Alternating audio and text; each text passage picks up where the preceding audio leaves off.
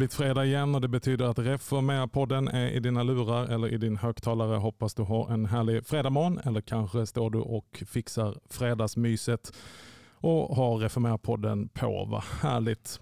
Magnus Persson heter jag och jag sitter som vanligt här i studion. Jag har med mig en gäst som jag ska presentera om en stund. Men innan dess så vill jag pålysa för dig som är präst, diakon, pedagog eller bara ideell medarbetare i någon av Svenska kyrkan eller EFS-församlingarna och helt ekumeniskt också, med en speciell inriktning på dem så har vi snart vår Mission i Sverige-konferensdag.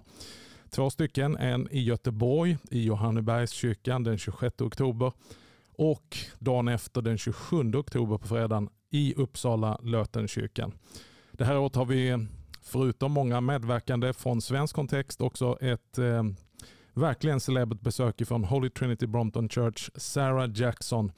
Eh, Sarah står i ett jättespännande arbete att revitalisera eh, kyrkor som eh, inte längre har någon gudstjänstfirande gemenskap och tumma kyrkor blev fyllda på nytt under hennes ledarskap och i det arbetet som de gör. Så missa inte det. Läs mer på missionisverige.com.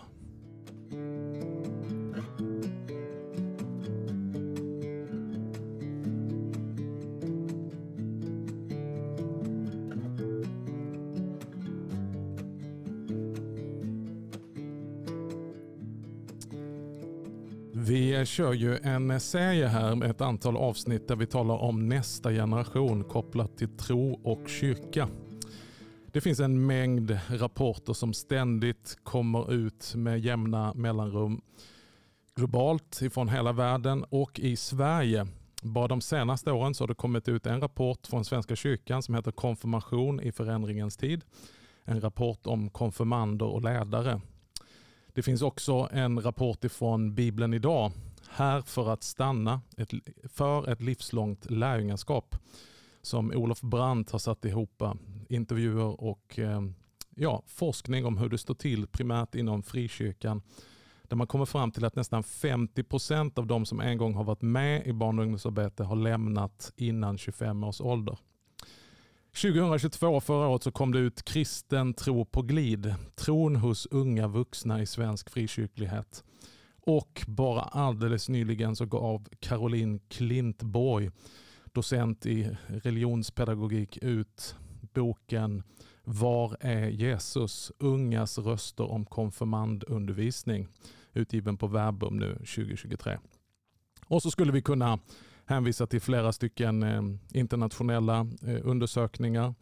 Eh, Barna Institute, Pew Survey och så vidare. Men vi har en person i studion, håller på att säga som är expert på området. No pressure.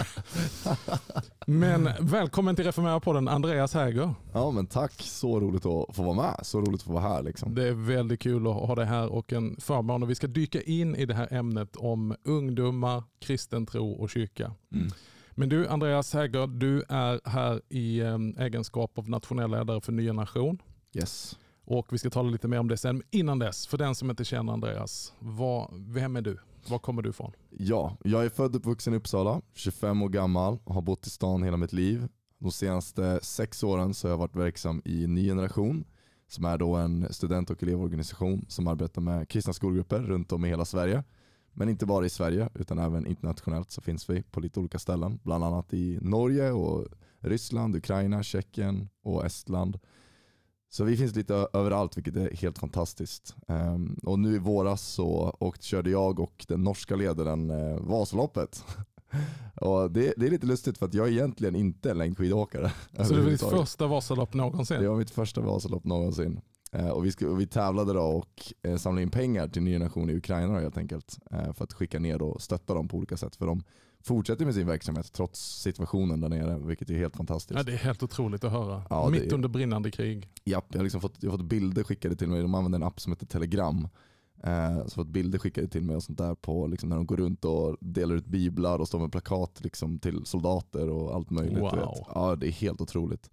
Så vi bara, men då vill vi vara med och stötta det så gott vi kan. Liksom. Så vi fick in vad var det, 2022 dollar om man skulle liksom översätta det. Då.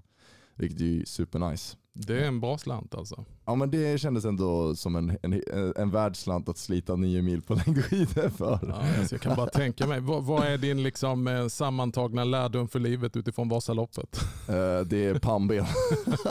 det är pannben som räknas. Ja, ja. Och, och förvänta dig det oväntade. Jag tävlade som sagt mot en norrman och han, De är basically födda på skidor. jag skojar med mig, alltså, han, han, han var duktig. Mm. Alltså, du vet, så här, vi körde någon så här, jag såg han liksom köra något litet varv bara du vet, så här, och man direkt bara åh nej, det här kommer inte gå bra. Men jag visste ju att så här, jag kommer inte vinna det här loppet. Men hör och häpna, jag vann mot honom. Nämen. Sjukt nog. Ja, alltså, jag är överraskad själv. Ja, det, är, det är fanfar på det. Så stort grattis Andreas. Ja, men tack så jättemycket Magnus. Du, eh, Nya Nation, det är spännande. Jag har ju själv lett en organisation som inte är kopplad till det, men vi sysslar ungefär med samma sak som heter Nya Nation på 90-talet. Mm. Och vi gjorde Rock the Globe år 2000 innan vi la den i graven och sen hörde Joakim Lundqvist av mig och vår gemensamma vän Stefan Kristiansson som Mm. startade Nya Nation en gång 94 kan det ha varit det? Mm, precis, Eh, i Norge. Ja. Och då drog Nya Nation igång. Så att ni har en ganska lång historia här i Sverige. Mm. 23 år har ni hållit på.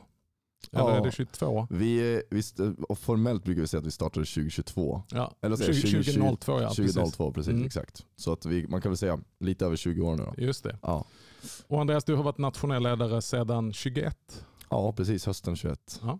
Ja. Vad, vad in, innan vi kommer in och talar om de här frågorna, vad innebär, hur ser, hur ser din, jag antar att det finns inga vanliga dagar som nationell ledare för Nya Nation, men, men vad är det du gör? Ja, precis. Mycket av mitt jobb är ju, ja, men precis som för dig, ut och resa eh, och liksom på ett sätt liksom vara ambassadör för organisationen. Mm. Eh, ut och predika, seminarier, andakter, olika slag. Vara ja, men inspiratör eller kommunikatör ska man kunna säga. Mm. Sen är det mycket nätverk och relationsbygge. Ny Generation är ju en allkristen organisation som arbetar över alla kyrkogränser. Så det, Älskar det. Helkyrkligt. Ja, ja exakt, helt kyrkligt. Jag såg det överallt i den här podden och jag bara det här är bra grejer, jag älskar det. Nej, men verkligen, och det är där vi vill navigera och det är där vi vill jobba. Och det bygger ju mycket på relation. Jag menar du som jobbar mycket med olika, olika liksom människor från olika samfund också vet ju att mycket bygger ju på relation och att Mm. man lär känna människor. Så ja, men mycket är det det också, nätverkande helt enkelt. Eh, Ni har, ni har kristna skolgrupper i högstadier, gymnasier. Är det lägre ner i åldrarna också eller nej? Primärt är det högstadiegymnasium men vi har Ja. också på universitet. Just det. finns det några stycken. Har du någonstans mellan tummen och pekfingret, hur många aktiva studentgrupper och skolgrupper har ni igång? Det är en bit över hundra som vi har just nu. Ja. Och det är spritt över hela landet, storstad som landsbygd. Ja, verkligen. Det är, det är faktiskt eh, fascinerande hur spritt det, det blir liksom, eh, som vi har. Det är liksom hela vägen ner i Skåne upp i Norrland. Liksom. Det är härligt också, för när de kristna ungdomarna eh, eller eleverna samlas på en skola så blir det ju helkyrkligt direkt. Mm. Man är inte så många så att man kan ha en speciell pingstgrupp och en speciell luthersgrupp och en speciell... Nej, precis. där kommer man tillsammans runt det mest centrala. Jesus, Mm. bön och att dela tron vidare gissar jag. Ja, jo men verkligen. Alltså, det är exakt det det handlar om. Alltså, Mm. det, och du, jag tycker du kommer in med ett väldigt bra perspektiv där. Det är ju så att i skolan så är du, du är i ganska ett utsatt läge redan. Mm. Du, kan liksom, du har inte lyxen så att säga att liksom bara hitta någon som tillhör ditt samfund. Stå under din egen vimpel. Liksom. Exakt, precis. Så här, Då kommer du vara ganska ensam. Mm. Så det är verkligen det. Jag kommer ihåg jag, när jag själv var teamare i organisationen, heltidsvolontär, Mm. så var jag ute och reste och träffade hundratals liksom, grupper och var ja, överallt. Då så satt jag ner med en grupp, kommer jag ihåg, och då i Stockholmsrådet. Och då så kliver man in där och i den gruppen så hade du, liksom, du hade ortodox troende, du hade katolskt troende, du hade frikyrka, du hade lutheraner, du hade liksom hela det här spektrat liksom var, var inne i rummet. Och det de gjorde då var att de satt ner och diskuterade sin tro med varandra. Liksom. Och det var så, jag tyckte det var så fascinerande för jag bara tänk om man liksom hade kunnat få in liksom vuxna i det här rummet och se det samtalet som förs här.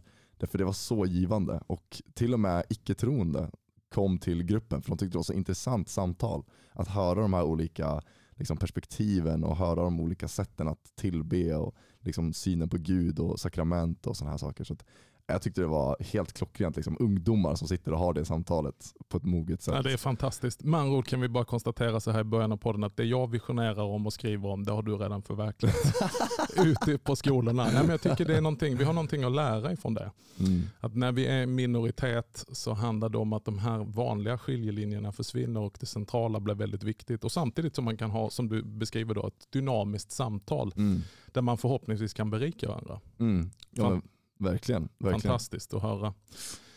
Du, eh, om vi ska gå över då. Eh, tanken med de här avsnitten är att vi ska djupdyka i det som också förenar kyrkorna, nämligen utmaningen, den kollektiva smärtan och sorgen att vi lyckas inte riktigt med nästa generation. Och nu Mm. tänker vi inte gräva ner oss i en mörk djup grop utan jag har tagit in dig för att också höra att det finns positiva exempel. Men eh, jag förstår och jag vet att du har varit intervjuad i en av de här undersökningarna. Eh, delar du den här bilden att, att eh, okay, kyrkan behöver shape up för att eh, nå och bevara nästa generation? Mm. Det skulle jag absolut säga. Mm. Man måste, en sak man måste bära med sig, eh, en studie som jag skulle rekommendera att kolla på det är Alpha, Alphas serie. The Open Generation. Mm. Otroligt bra rapport eh, om unga generationen, generation Z då, som är Mm. de som är i vår gymnasie och högstadieålder just nu. Just det. Eh, och det är en grej man måste bära med sig där, det är just att alltså, det går så otroligt fort. Mm. Eh, och jag tror att det går, när jag säger det, Mm. så tänker man oj, okej då kanske det går så här fort. Men Mm. alltså, tänk tre gånger fortare. Alltså, det. det går så otroligt fort Mm. för den unga generationen i Mm. trender, vad som är inne, vad som är ute, så allt det här. Liksom. Tidigare generationer de gick ungefär i tio års skiften. Mm. Liksom. Då bytte man stil, då byttes musik, alltså, du vet sådana här grejer. Men nu det är tre års skiften. Alltså, Mm. På tre år så har allt bytts ut. Tre år har så allt bytts ut. Mm. Och där tror jag att vi som kyrka och som församling, vi måste vara medvetna om det och Mm. inte på något sätt se ner på det. För det är den världen unga navigerar i. Mm. Utan vi måste se det och liksom följa med i det. Mm. tror jag är viktigt. Att liksom hänga på den, de, den generationens liksom egna cykel så att säga. Du som möter då ungdomar hela tiden i den här generationen. Vad är din analys? Vad gör det här snabba tempot med dem? Hur påverkar det dem bara rent generellt? Och alltså, ja, det, är, det är en fråga som till och med experterna frågar sig själva. Det, Mm. det, är, liksom, det är ju studier som liksom är just nu pågående och se vad gör med alla de här intrycken med unga människor. Ja. Men en grej vi generellt kan se det är till exempel att utbrändhet ökar, psykisk ohälsa ökar eh, och liksom diagnoser ökar också i antal. Att skriva ut antideps ökar också. Mm. Eh, Jag läste nyligen Friends-rapporten som, som ju skrev en, jag, sk- skickade, jag skrev en krönika i Dagen kring det här nyligen. Eh, där de skrev liksom en, de öppnar liksom med en line av att unga människor har, har aldrig rapporterat så här höga nivåer av psykisk ohälsa förut. Mm. Så vi ser ju att det här är någonting som kommer hand i hand. Och Mm. Absolut att man kan tänka att det här snabba tempot har en, har liksom en bidragande faktor i det. För att jag menar, du tröttar ju ut hjärnan med alla intryck. Du tröttar ju ut liksom också din egen passion och innovation och kreativitet med att bara fylla dig med, med liksom content hela tiden. Mm. Så jag skulle säga att absolut det här snabba tempot, dels det föder innovation tror jag. Alltså jag tror Mm. unga människor idag är helt fenomenala entreprenörer. Mm. De är jätteduktiga på att liksom driva på, de har eld, de liksom vill verkligen någonting. Mm. Men där tror jag att vi som kyrka, vi måste se det och tänka, okej vad är det de faktiskt blir fired up för? Vad är det för någonting de faktiskt vill Mm. göra? Vad är det för någonting de lägger ner all den här kraften, energin och det som en ung människa har? Var lägger de det någonstans? Mm. Ja, liksom många de lägger det i ett självförverkligande fack. Mm. Eh, och det och liksom ett självförverkligande och ett självfokus. Mm. lite grann. Så här, Mm. mycket, grabbar går mycket till gymmet till exempel. Och såna grejer. Jag säger inte att det är fel att gå till gymmet, men Mm. det blir liksom den här obsessionen av att man Mm. vill liksom röra sig åt ett visst håll. Ja. Ehm, och att liksom självförverkligandet blir liksom det ultimata. Liksom. Och då som församling och kyrka tänker så här, hur får vi dem att tänka det om Jesus Mm. istället? Liksom? Hur får vi dem där? Helt enkelt att bli del av en större story. Mm. En, en, en större berättelse som inte bara kretsar om mig, mitt och mina. Mm. För det är tungt att spela huvudrollen hela tiden Mm. i, i den lilla storyn man blir fånge i. Mm. Utan att upptäcka en större berättelse. Men om vi backar Mm. lite då. Eh, skillnaden idag när unga människor närmar sig tron eller när vi ska närma oss dem med tron. Vad, vad är annorlunda? Vad är det för någon analys du gör som har gjort att det här som du beskriver då, liksom att det går så fort, det är förändringar. Eh, vi vet att sekulariseringen har svept in så att vi, vi lever liksom i en tid som på ett sätt påminner mer om nytestamentliga tiden än Mm. en postkristen tid. Än bara liksom att ja, men vi vet att kyrkan finns men, och alla har kontakt med tron. Utan nu möter vi nästan ett helt onått folk Mm. i en onådd generation. Vad, vad ser du för några tecken, eh, vägvisare? Hur tas unga människor till sig tron idag? Mm. Ja, men alltså, så här, mm, en sak man måste bära med sig, liksom, det är ju att unga människor idag har ingen koll på kristen tro. Mm. Alltså om vi tänker liksom en vanlig svensk liksom ungdom idag, Mm. så den människan har ingen aning om vad kristen tro är för någonting. Nej. Det, det, det är precis som du säger, det är ett onått folk. Mm. Tidigare så fanns det liksom, det var, man Beröringspunkter. Och, Ja men liksom man var i kyrkan under liksom påsk, man kanske var i kyrkan när det var någon bön, liksom man hade bön i skolan, till och med Ja. kristendomsundervisning. Alltså, alla hade på något sätt hört ändå ett autentiskt evangelium. Mm. Idag är det inte så. Alltså Mm. ungdomar som möter kristna ungdomar idag, de är såhär, jaha, finns ni fortfarande? Men alltså, jag skojar inte, det är liksom Mm. inte en ovanlig reaktion. Mm. Och när man liksom presenterar Jesus så, Mm. så liksom, det, det, är liksom en hel, det är en helt nyhet för dem. Alltså det är verkligen en hel nyhet. De har hört talas om Jesus, de, Mm. de fattar referenser till Jesus. Han är liksom en pop culture person typ. Mm. Mm. Så här, liksom, oh, han var populär back in the day, så han är populär i några regioner fortfarande. Förstår du vad jag menar? Men liksom så här, han är mer en meme, eller förstår Ja? Liksom, det ja. är mer det, Ja, än att så här, han är faktiskt liksom, någonting som kan vara levande idag. just det. Ny, nyligen så var det en, en fantastisk story om en kille som heter Viktor i Celsiusskolan i Uppsala som fick leda sina vänner till tro. Och den, efter mycket om men i alla fall i hans story med hans polare Emil då, så, så slutar det med liksom att det är när Viktor förklarar att det finns synd och synden leder till död. Det är då Emil, Emil går i gymnasiet, Mm. kristen, eller icke-troende ungdom i gymnasiet Mm. det är när Viktor säger de orden, det är då Emil bara, jaha är det därför Jesus behövde dö på korset? Fantastiskt. Ja, men du förstår liksom, Ja. alltså det är så här, killen har gått i svensk skola Mm. i 18 år. och då, när han sitter där, då, aha det är därför han behövde dö på korset för mig. Och han tar emot Jesus i det grupprummet. Mm. Vilket är en fantastisk story. Men vi måste bära med oss att när vi möter den här icke-troende sfären, alltså det, är- det är verkligen noll kunskap. Vi börjar på ett blankt blad helt enkelt. Det är ett blankt blad Ja. och något som är fantastiskt med det, det är att det är så mycket utav liksom de här fördomarna som kan finnas och mycket utav det som kanske håller tillbaka finns inte. Mm. Utan vi möter precis som Alfas, liksom den här rapporten heter, The Open Generation. Det det. är en open generation. Alltså vi har ett sånt otroligt bra missionsmål. Mm. Alltså de här ungdomarna är så öppna för, för kristen tro. Mm. Alltså verkligen. Och det är fascinerande att tänka på det. För 33 år sedan när vi började och var ute på skolor Mm. Så är det så annorlunda. För det, alltså så mycket som har hänt på 33 år. Det låter ju som man är lastgammal men jag tänker att jag är ung och frisk fortfarande. Ja men Magnus, Max gissade att du var 30 år gammal. men men eh, då fick vi alltid bryta, om vi kom till en skola i Gislaved eller om vi kom till en skola i Karlstad så fick vi ägna halva vår tid åt att bryta ner fördomar som folk verkligen hade. Jo, de visste verkligen vad kyrka var, trodde de. Mm. var kristen tro och det var någonting negativt, det var någonting tungt. Mm.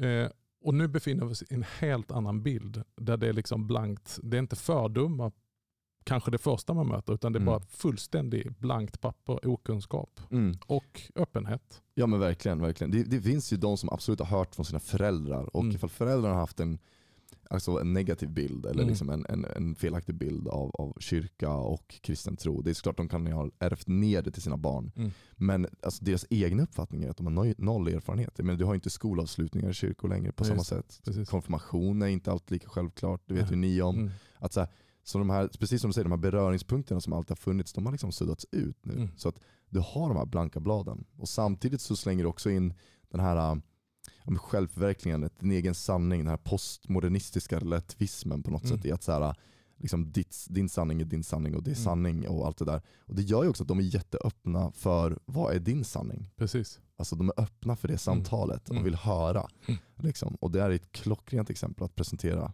evangeliet. Mm. Klockrent exempel att presentera Jesus. Så jag skulle absolut säga att vi har en ung generation som på, må på många sätt och vis är annorlunda än Mm. generationen. Och som du säger, bara vi Mm. tänker tillbaka 33 år. Och jag tror Mm. att om vi bara tänker tillbaka typ 15 år. Mm. Jag tittar tillbaka på min gymnasietid när jag gick i skolan och jag är Mm. 25. Mm. Och jag bara, det är skillnad. Ja. Verkligen. Ja, men det är det första vi behöver ta till oss som församlingsledare, eh, anställda eller ideella präster eller frikyrkopastorer. Att vi måste förstå att vi lever i ett nytt landskap. Eh, men om vi flyttar snabbt bilden innan vi går tillbaka igen in i kyrkan. Mm.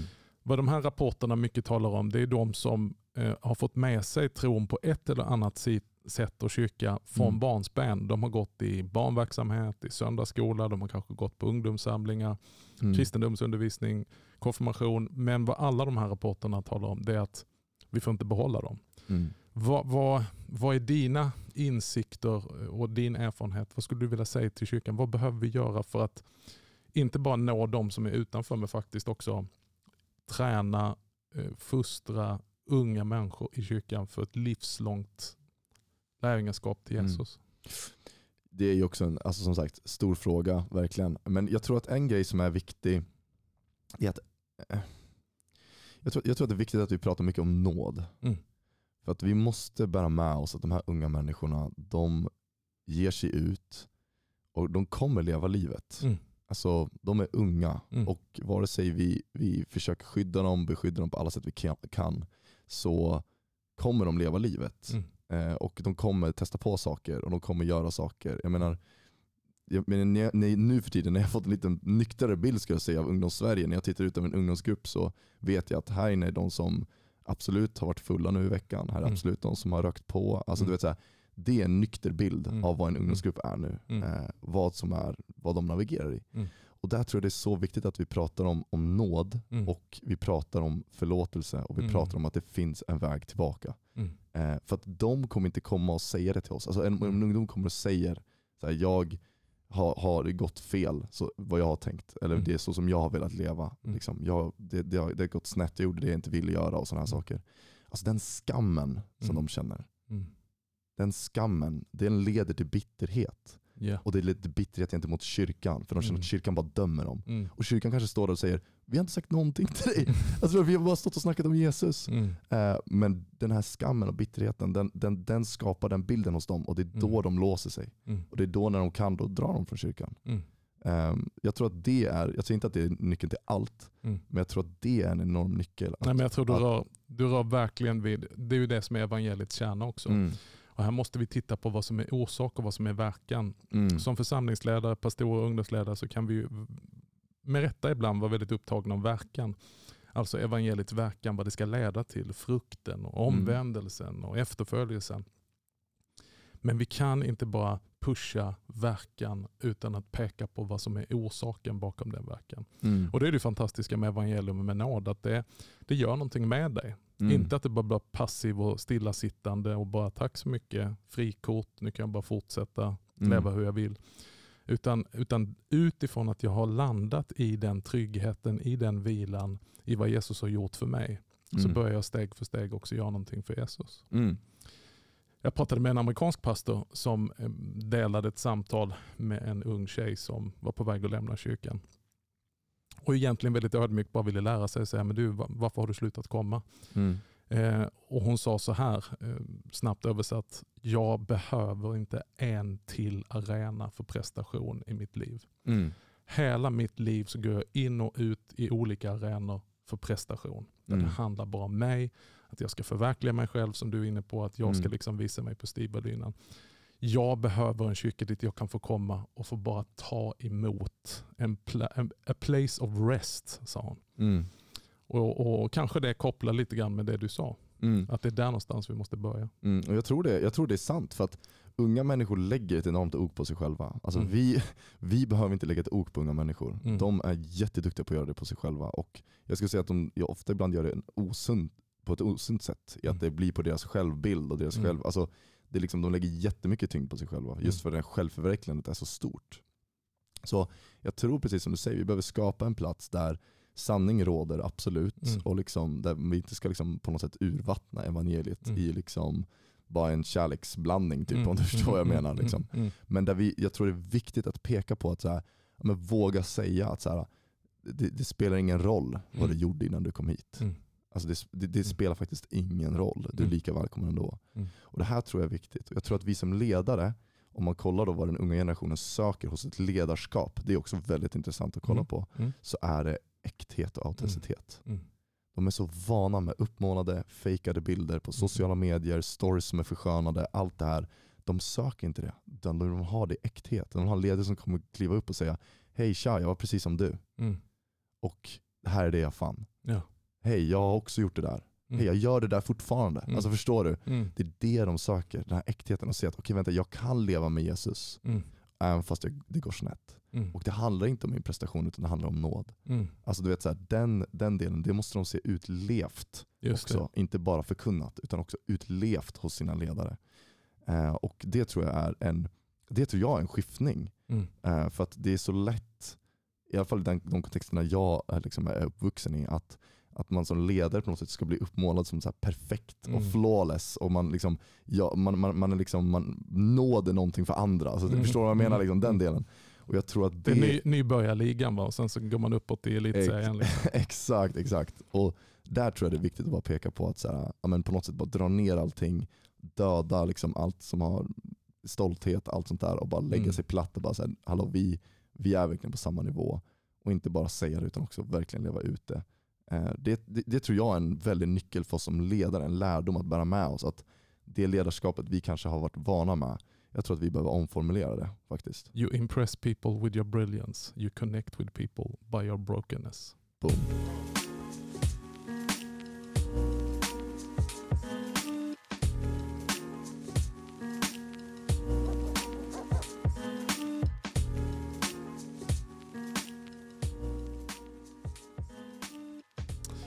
Jag sitter alltså här med Andreas Häg- Häger, nationell ledare för Nya Nation och vi pratar, det är så inspirerande att lyssna till det Andreas. Det är bara yes and amen.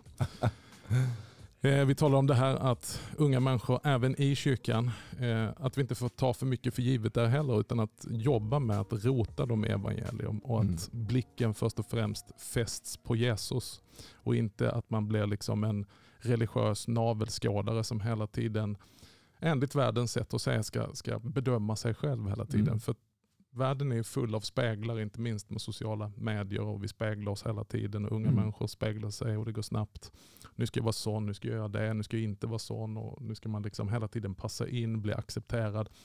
Och att vara rotad då i ett evangelium som har att göra med att det finns bara en enda person som det bygger på att du är accepterad inför Gud. Fullt älskad och den kärleken har han visat i Jesus Kristus. Det är vad Jesus har gjort för dig, det är det som gäller. Mm. Inte vad du har gjort eller inte har gjort för Jesus. Där är Mm. grunden. Mm, verkligen. Men du, eh, vad skulle du konkret med vilja vända dig till? Det är många präster och pastorer från olika sammanhang som lyssnar på den här podden och nu, nu sitter de liksom framme, jag kan se dem framåtlutade med sin telefon eller sitt anteckningsblock och säger okej men vad, vad ska vi göra då? Vi lyckas inte riktigt. Mm. vad, vad, du har sagt många bra saker redan, det här om att vara transparent, att vara öppen, äkta och ärlig som ledare, att inte sätta sig själv på en piedestal. Mm. Eh, att grunda människor i nåden. Har du några andra tankar? Mm. En grej som jag tycker är viktig det är att, det är att bygga ihop generationerna. Mm. Eh, verkligen. Jag tycker det är, det är så fint i, i Malaki, sista versen i gamla testamentet. Det här liksom, jag ska vända fädernas hjärtan mot barnen, barnens hjärtan mot, mot fädernas så att jag inte slår landet i förspillning. Mm. Parafraserat, jag säger inte att det är Nej, exakt men det, det är impressive. Eh, och jag tycker det är en så vacker bild Ja. i, i liksom vad, vad, vad det är också i kyrkan. Mm. Då, att, att när man är äldre, don't count yourself out. Liksom. Utan jag tror att unga människor har mycket större behov av att ha den här personliga connectionen Mm. också med någon som är äldre. Mm. Alltså någon som har varit med. Mm. Alltså för att de lever ett liv just nu och de Mm. behöver se att det går att leva med Jesus i 80 år. Mm. Alltså de, behöver, de behöver en människa framför sig Mm. som har levt med Jesus i 80 år. Mm. För jag kommer ihåg när det slog mig själv personligen när jag stod i min hemförsamling och tittade ut och såg liksom 80-åringar som Mm. lyfte händerna i lovsången. Alltså Mm. 90-åringarna som satt vid sina rullatorer och Mm. liksom bara med all sin kraft som de fortfarande hade kvar bara försökte lovprisa Gud. Mm. Vackert. Jag menar, alltså, ma- då, då var det på något sätt som någonting klickade i mig. Jag bara, det där är ett liv med Jesus. Mm. Om jag tar mitt liv och så multiplicerar det med fyra, liksom, Mm. då kommer jag upp till hur länge den där personen har levt med Jesus. Mm. Och det på något sätt blir så autentiskt och så äkta som det bara blir. Att så här, Mm. den här personen har levt genom hela liksom, 1900-talet basically. Mm. Och har gått med Jesus. Mm. Alltså det funkar. Mm. Det har funkat för den här personen. Liksom. Och det, när, när den paletten trillar ner för många unga, då, är det väl, då, då tror jag att man behöver hitta eh, äldre människor. Jag tror att vi behöver äldre människor i församlingen som dels ber för unga. Alltså majoriteten av unga som kommer tillbaka till kyrkan efter att kanske ha svängt ut ett tag, det är äldre personers böner. Mm. Säg till ditt barn eller ditt barnbarn att du ber för dem. Säg att du Mm. ber för dem. Säg att du ber för dem. Påminn dem om att du ber för dem. Påminn om att du finns där. Det är så otroligt viktigt för dem. För att när allt skiter sig för dem, när Mm. den förlorade sonen sitter där i svinstian, då tänker han tillbaka på pappa. Mm. Där var det bra. Mm. När ditt barn eller barnbarn, när den sitter där i skiten och bara Mm. vad gör jag med mitt liv? Då kommer du tänka farmor ber ju för mig. Mm. Alltså det kokas ner. När man är helt sårbar, när man är helt blottad. Det där är så bra Andreas. Det där är så bra. Det som vi kan tycka är så litet och enkelt. Bara för någon vecka sedan så hörde jag exakt en sån historia Mm. av en gammal tant som Mm. berättar om sitt barnbarn som inte längre går till kyrkan men så löser hon upp i ansiktet. Jag vet vad mitt barnbarn säger till mig. De ska ut och göra saker. Farmor eller om det var mormor, be för mig. Mm. Så att den här barnbarnet hade fortfarande sån respekt och sån tro på farmors eller om det var mormors böner. Mm. Verkligen. Och det är någonting som vi inte ska underskatta. Verkligen inte. Underskatta inte bönens kraft. Liksom. Gud har inte utlovat liksom, quick fix, att det ska liksom, lösa sig på ett år eller två år. Det kan ta 20 år, det kan ta 30 år, vem vet? Mm. Men de kommer tillbaka. Mm. Alltså Gud knackar på deras hjärta Mm. och att fortsätta be och fortsätta prata. Jag tror att det är viktigt för oss som är äldre i församlingen att också ta in unga människor i ditt liv. Alltså visa att du finns där, visa att du vill prata, visa att du vill söka kontakt. För att helt ärligt, jag tror att, jag tror att det är så lätt att man diskvalificerar sig själv som äldre. Jag vill bara säga till dig som är präst eller diakon eller sitter där och du identifierar dig i någon kategorin äldre och Mm. helt ärligt om du är över 20 så är du äldre för ungdomar. liksom. Here, comes the, here comes the bad news. Exakt, precis. Bara, uh, by the way, du har varit äldre i liksom 40 år. Nej, men så här. Mm. Och där jag tänker att liksom, eller det, det som är viktigt för dig att veta, det är diskvalificera inte själv bara för att du tror Mm. att du inte är hipp eller cool eller tuff. Mm. Alltså gör inte det. Mm. För du behövs i Mm. unga människors liv. Och unga människor de kommer inte ge dig bekräftelse. De kommer inte säga oj vad bra du var eller oj vad viktig du är. Där, där. Mm. Absolut inte. Det, det är få ungdomar som har den förmågan att vara så, vara så fina och Mm. uppmuntrande. Liksom. Alla kommer inte göra det. Mm. Så jag skulle säga att se, liksom, kasta inte ut dig själv och säg inte att du inte längre är viktig. Mm. Du är jätteviktig i ungars liv. Mm. Jätteviktig. Eh, om det är så att du bara är där på söndagarna eller att du ber för dem eller liksom bara går fram och säger åh vad kul att se dig här i kyrkan. Alltså det är så viktigt för unga människor att Mm. få det. Därför de är i en jättesårbar period. Mm. De håller på att forma sig själva. Alltså vi måste se ungdomens period för vad det är. Mm. Det är en period av sökande, det Mm. är en period av identitetsbyggande, det är en period där man behöver jättemycket bekräftelse. Och Mm. det, det är faktum. Liksom. Mm. Och vi kan liksom tycka vad vi vill om den perioden när vi har Mm. gått ur den och säga åh vad skönt att inte vara ungdom längre, åh vad skönt att vara vuxen. Liksom. Och liksom allt det där. Men vi måste också se perioden för vad det är och tänka tillbaka och inse att jag var också där en gång. Mm. Eh, vad var det för något som styrkte mig? Mm. Men också, också bekräfta ungdomen, se ungdomarna, eh, älska ungdomarna, eh, uppmuntra ungdomarna, eh, låta ungdomar få vara ungdomar också. Mm. Jätteviktigt. Mm. Och framförallt tror jag för våra ungdomar som föds in i kyrkan. För att föds du in i kyrkan, då, precis som du säger det här med orsak och verkan, Mm. det blir så lätt verkan, precis som Mm. du säger. Men de har liksom aldrig upplevt syndanöd till exempel. Nej, De aldrig, för när de sen kommer upp i sin ungdomsålder och de börjar ja, men, faktiskt pröva saker, börjar Mm. leva liv, Mm. liksom, då, är helt, då helt plötsligt är orsaken väldigt viktig. Mm. Men de har bara hört verkan. Mm. Precis, alltså, de har ju bara hört det snackas. Exakt. För de har inte upplevt att de behövt orsaken. För att Mm. de har levt ett bra liv hittills. Liksom. Mm. Inte flawless, men bra. Men helt plötsligt börjar saker och ting ha riktiga konsekvenser i deras liv. Helt plötsligt händer saker och ting. Föräldrar skiljer sig eller vad det kan vara. Då är orsaken helt plötsligt väldigt viktig. Så jag tror att vi inte får tappa den. Alltså den är jätteviktig för de ungdomarna också. Där tror jag att när man har vandrat med Jesus väldigt länge, då inser man hur viktigt det är. Alltså Mm. det är viktigare nästan än verkan. Alltså det är så otroligt viktigt. Och det tror jag är en, en, en sån lärdom som äldre generationer kan ge in hos unga. Som man kan ge genom sitt liv. Det är som visdom. Jag blev både rörd och eh, eh, imponerad Andreas av, av den visdom som du, som du delar här.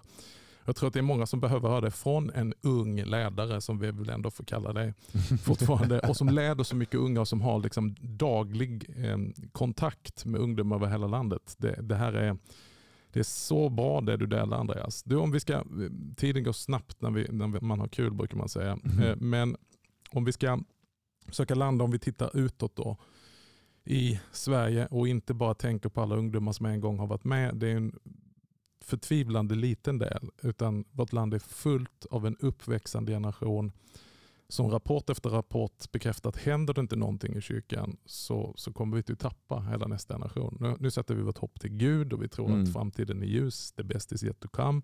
Men vad är det vi behöver göra? För att hur, hur, hur, jag vet att ni jag vet inte om jag säger för mycket här nu, men ni jobbar lite grann med alfa för, för unga. Mm, absolut, det gör vi. Alfa Youth. Mm. Eh, varför är det ett, ett verktyg som, som funkar tycker du? Vad är metodiken som gör det väldigt lämpligt för unga människor att närma sig den kristna tron? Alltså det Alpha Youth gör som jag tycker är helt fantastiskt, verkligen, det är att de, de tar verkligen den här unga generationen för vad det är. De, de, de, de tar liksom, hur har vi gjort innan? Den frågan kastar de ut genom fönstret. Mm. Eh, på ett väldigt fint sätt skulle jag säga. Mm. Därför att de, de, de ser den här unga generationen för vad det är. Den här Mm. unga generationen söker inte en predikant. Mm. De söker ett samtal. Mm.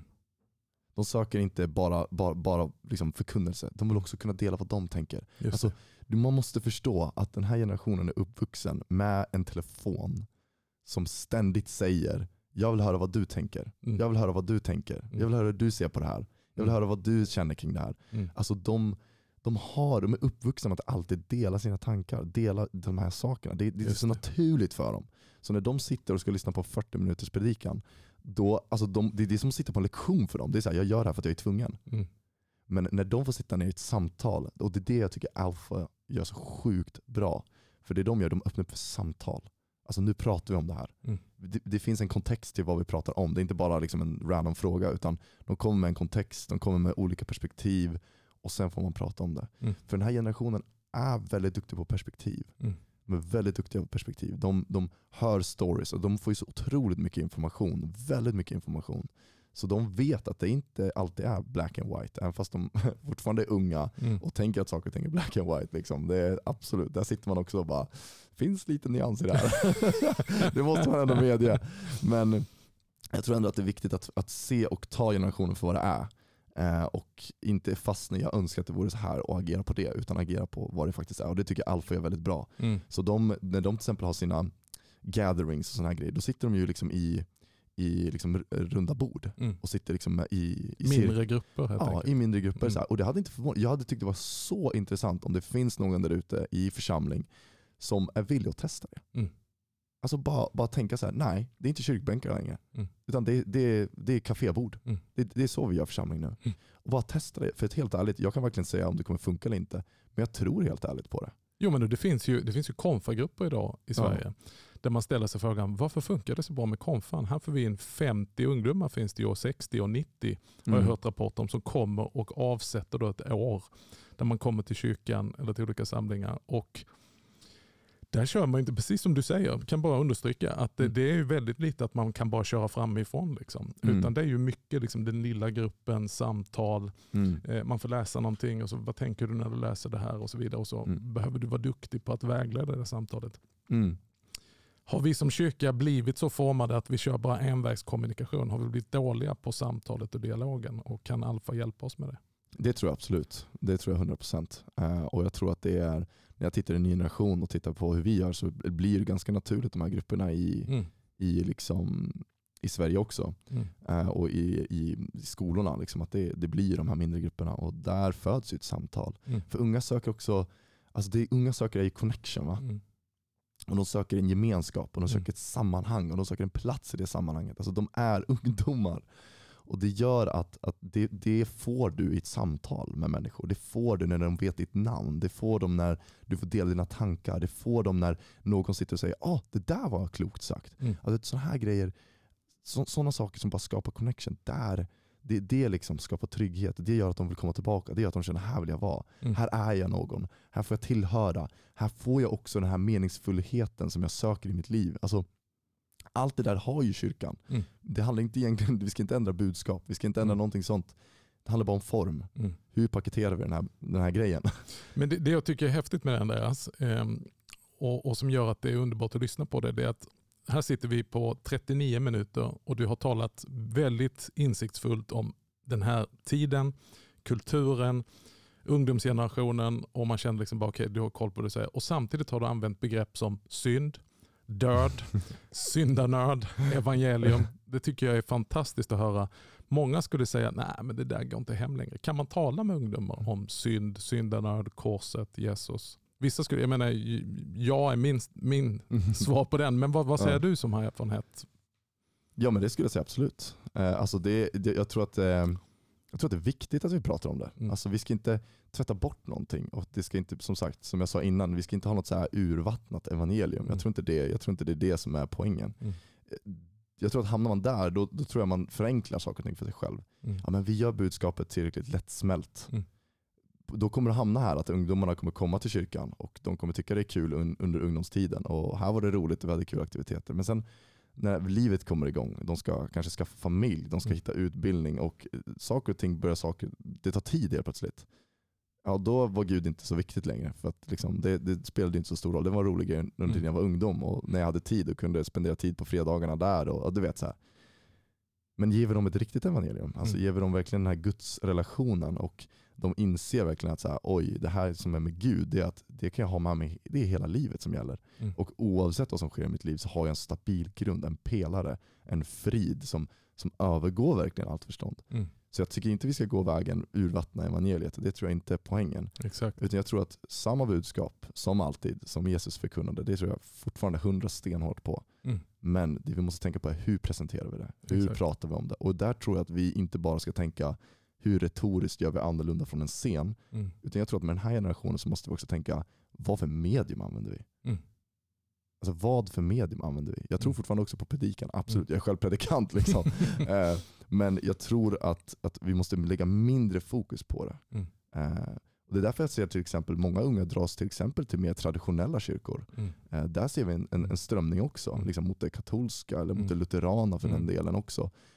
Därför att där finns en, det, det finns liksom en, en sån storhet i det. Mm. Och även den här friden Mm. i att, så här, som du sa, en lugn plats där jag får ta emot. Mm.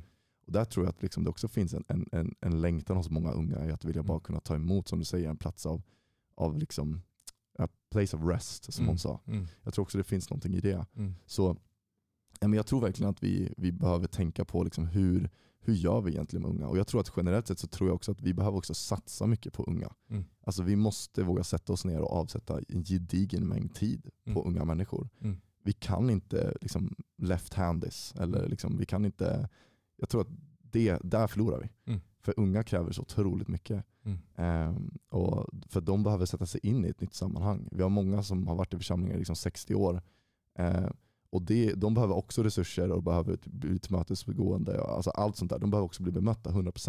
Mm. Men en ung människa, den har inga kompisar i kyrkan direkt. Den har, Mm. alltså det, alla de här grejerna behöver den få. Mm. Som när man har varit i kyrkan i ett tag, det har du. Mm. Vilket gör att du kan sitta på en gudstjänst, du kan lyssna på en predikan. Du känner fortfarande att du är en del av ett sammanhang. För att du känner personen som sitter tre rader fram. Mm. Du känner personen som sitter till höger om dig. Alltså det här, allt det där finns. Det gör att du kan ta in via det mediumet. Men för Mm. någon som kliver in och är ny, även för ungdomar som är uppvuxna i kyrkan, där blir det, de har inte det där. Alltså det är som att vi liksom har tagit ett steg för långt med dem ibland Mm. redan. De behöver påfarten. Vart är den någonstans? Just det. Liksom. Rampen, handikappsanpassningen så får man inte säga längre men det här Mm. som vi vet i alla offentliga lokaler att det finns en ramp Mm. så att de som inte kan ta sig upp för en trappa har faktiskt en ramp in i kyrkan. Mm. Ja, men Och då behöver vi göra sådana on-ramps. Liksom. Ja, men det tror jag verkligen. Och därför tror jag verkligen på att, så här, jag tror att som kyrka, då måste jag vara ärlig och säga, alltså om man ska vara så krass, typ så här, va? Hur, mycket, hur, hur stor av er budget lägger ni på ungdomar egentligen? Eh, hur stor anställning har Mm. er ungdomsledare, ungdomspastor Mm. eller ungdomspräst? Mm. Alltså sådana här konkreta grejer. Därför att jag tror helt ärligt att det handlar om att vi måste våga satsa på den här unga generationen. Och Mm. för de, är, de kräver det. De behöver det. För att helt ärligt, det finns företag ute i världen idag som satsar mer pengar än vad kyrkor gör för att nå den unga generationen. Oj, ja visst. Alltså det är så Nike, Adidas, Det är miljardrullning. miljardrullning. Och Mm. vi vi kan inte vara så naiva. Vi har Gud på vår sida, så med Mm. de resurser vi har tror jag vi kommer klara det. Alltså 100%. Det är tur vi Liksom. har Gud på oss. Exakt, annars hade vi varit körda bror. Vi är smoked. Alltså, så här, vi är out of this League. Mm. Men jag tror att det är så viktigt att tänka sig, så vi har Gud på vår sida, men jag Mm. tror också att vi inte heller får vara naiva för vilken Mm. värld un, unga navigerar i. Mm. Alltså vi jobbar mot en sån otrolig konkurrens när det kommer till uppmärksamhet. Mm. Så vad kan kyrkan erbjuda? Jo, vi kan erbjuda det här helt unika Mm. evangelium som Mm. finns hos Kristus. Vi kan erbjuda ett sammanhang som är så meningsfullt. Vi kan erbjuda liksom en frid som övergår allt förstånd. Alltså det finns någonting så otroligt unikt med vad det är att vara troende och kristen. Och det vet vi alla som lyssnar på det här, för vi har ju en relation med Gud på det sättet. Det tror jag bara handlar om att det måste vi visa för de unga. Vi måste prata med de unga i nya medium, inte bara i liksom alltså, på något sätt left-handa hela Mm. grejen. Utan jag Mm. tror att vi måste våga satsa på unga. Så jag skulle vilja skicka med en sån utmaning. Våga satsa. Tänk att nästa år, eller det här året, eller läsåret eller vad det kan vara, att det, fokus unga. Mm. Och då menar jag fokus unga. Mm. Alltså verkligen, bara, där ska vi satsa resurser, där ska vi satsa tänk. Det ska vi sitta och prata om på ledningsmötena, det ska vi prata om i styrelsen, det ska vi prata om när vi har stiftssamlingar. Liksom. Mm. Vad? Unga, ta in konsulter, ta in unga människor. Och jag skulle vilja uppmuntra, ta in ungdomar. Mm. Alltså, låt dem vara en del av processen. De är Mm. experter på sig själva. Alltså helt ärligt, liksom. jag tycker det är jättebra att man läser rapporter. Gör det, jag läser också rapporter. Men jag hade aldrig läst rapporterna och fått en uppfattning om jag inte hade suttit ner och pratat med unga. Mm. Hade jag inte suttit ner i Tranås och pratat om epatraktorer eller om jag hade suttit i Stockholm och pratat om, om liksom den senaste liksom TikTok-trenden eller jag varit uppe i Norrland och, och pratat liksom om, om jakt och liksom hur det är att ta jaktlicens. Alltså, du vet, så här, hela det här spektrat av liv som Mm. finns. Mm. Det är, också, alltså, det är så otroligt viktigt. Ta in unga, prata med unga. Vad, vad vill ni? Mm. Eh, och ta in också unga och låt dem bestämma. Hur vill ni göra? Vill ni göra så här? Ja, ja men kör. Testa. Alltså, jag skulle säga våga testa. Var modig som ledare. Var modig, våga testa. Tänk utanför boxen. Du Andreas, du har gjort det med den äran. Eh, Jag skulle vilja fortsätta 45 minuter till men det tillåter inte vår programtid. Eh, Tack Andreas för det hjärta som du har och som du har gett. Och nu Mm. tänker jag att nu finns det jättemånga som tänker var får jag tag på den här killen? Jag tror att det kommer att vissla till i din mailkorg. Så hur får man tag på dig? Om det nu sitter någon som säger vi vill höra mer av det här. Vi vill ta in Andreas på en inspirationssamling. Mm. Kanske på en stiftsdag, kanske på en präst och diakondag, kanske till våra pedagoger eller till någon annan kyrka. Mm. Hur, hur kommer man i kontakt med dig och Ny Generation? Ja, det är, alltså, vi finns ju på nygeneration.se. Ja. Eh, där är vår hemsida. Annars så finns jag ju på Instagram. Andreas Hager official heter jag där. Eh, Med A istället för Ä. Ja exakt, precis. Mm. Och sen så finns ju min mail, andreas.hager.nygeneration.se eh, och det är bara att höra av sig. Eh, så det är bara, bara att skriva, höra av sig eh, på olika sätt så ser jag fram emot att få träffa och prata med dig om de här grejerna. Absolut. Och jag säger kontakta Andreas om du vill ha mer av det här. Jag tycker att du har delat så jättemycket viktigt, värdefullt, genomtänkt, reflekterat och det osar av evangelium. Jag är glad för det Andreas och eh, be för Ny Generation, be för Andreas, det viktiga arbete de gör ute på ett av de största missionsfälten vi har i vårt land där hela den nästa generation är samlad, nämligen skolorna, Mm. universiteten. Ni gör Mm. ett fantastiskt arbete. Vi skulle, jag skulle vilja prata mer om det men vi hinner inte. Tiden är ute. Vi tar Men, det nästa eh, gång. Kontakta Andreas och eh, tack för att du kom Andreas. Tack så jättemycket för att ni ville ha mig här. Så roligt verkligen. En stor förmån och vi fortsätter att eh, gräva lite grann i det här ämnet om nästa generation. Jag vill också påminna om det jag sa i början. Vi har en eh, konferensdag i Göteborg och i Uppsala om en växande kyrka och en kyrka som växer har ju också en satsning på nästa generation och ser att unga människor kommer till. Eh, 26 och 27 oktober, en dag i Göteborg, en dag i Uppsala. Läs mer på missionisverige.com. Tack ska du ha för att du varit med oss i Reformera-podden den här fredagen och om Gud vill och vi får leva så ses vi nästa fredag också. Amen. Hej! Hej.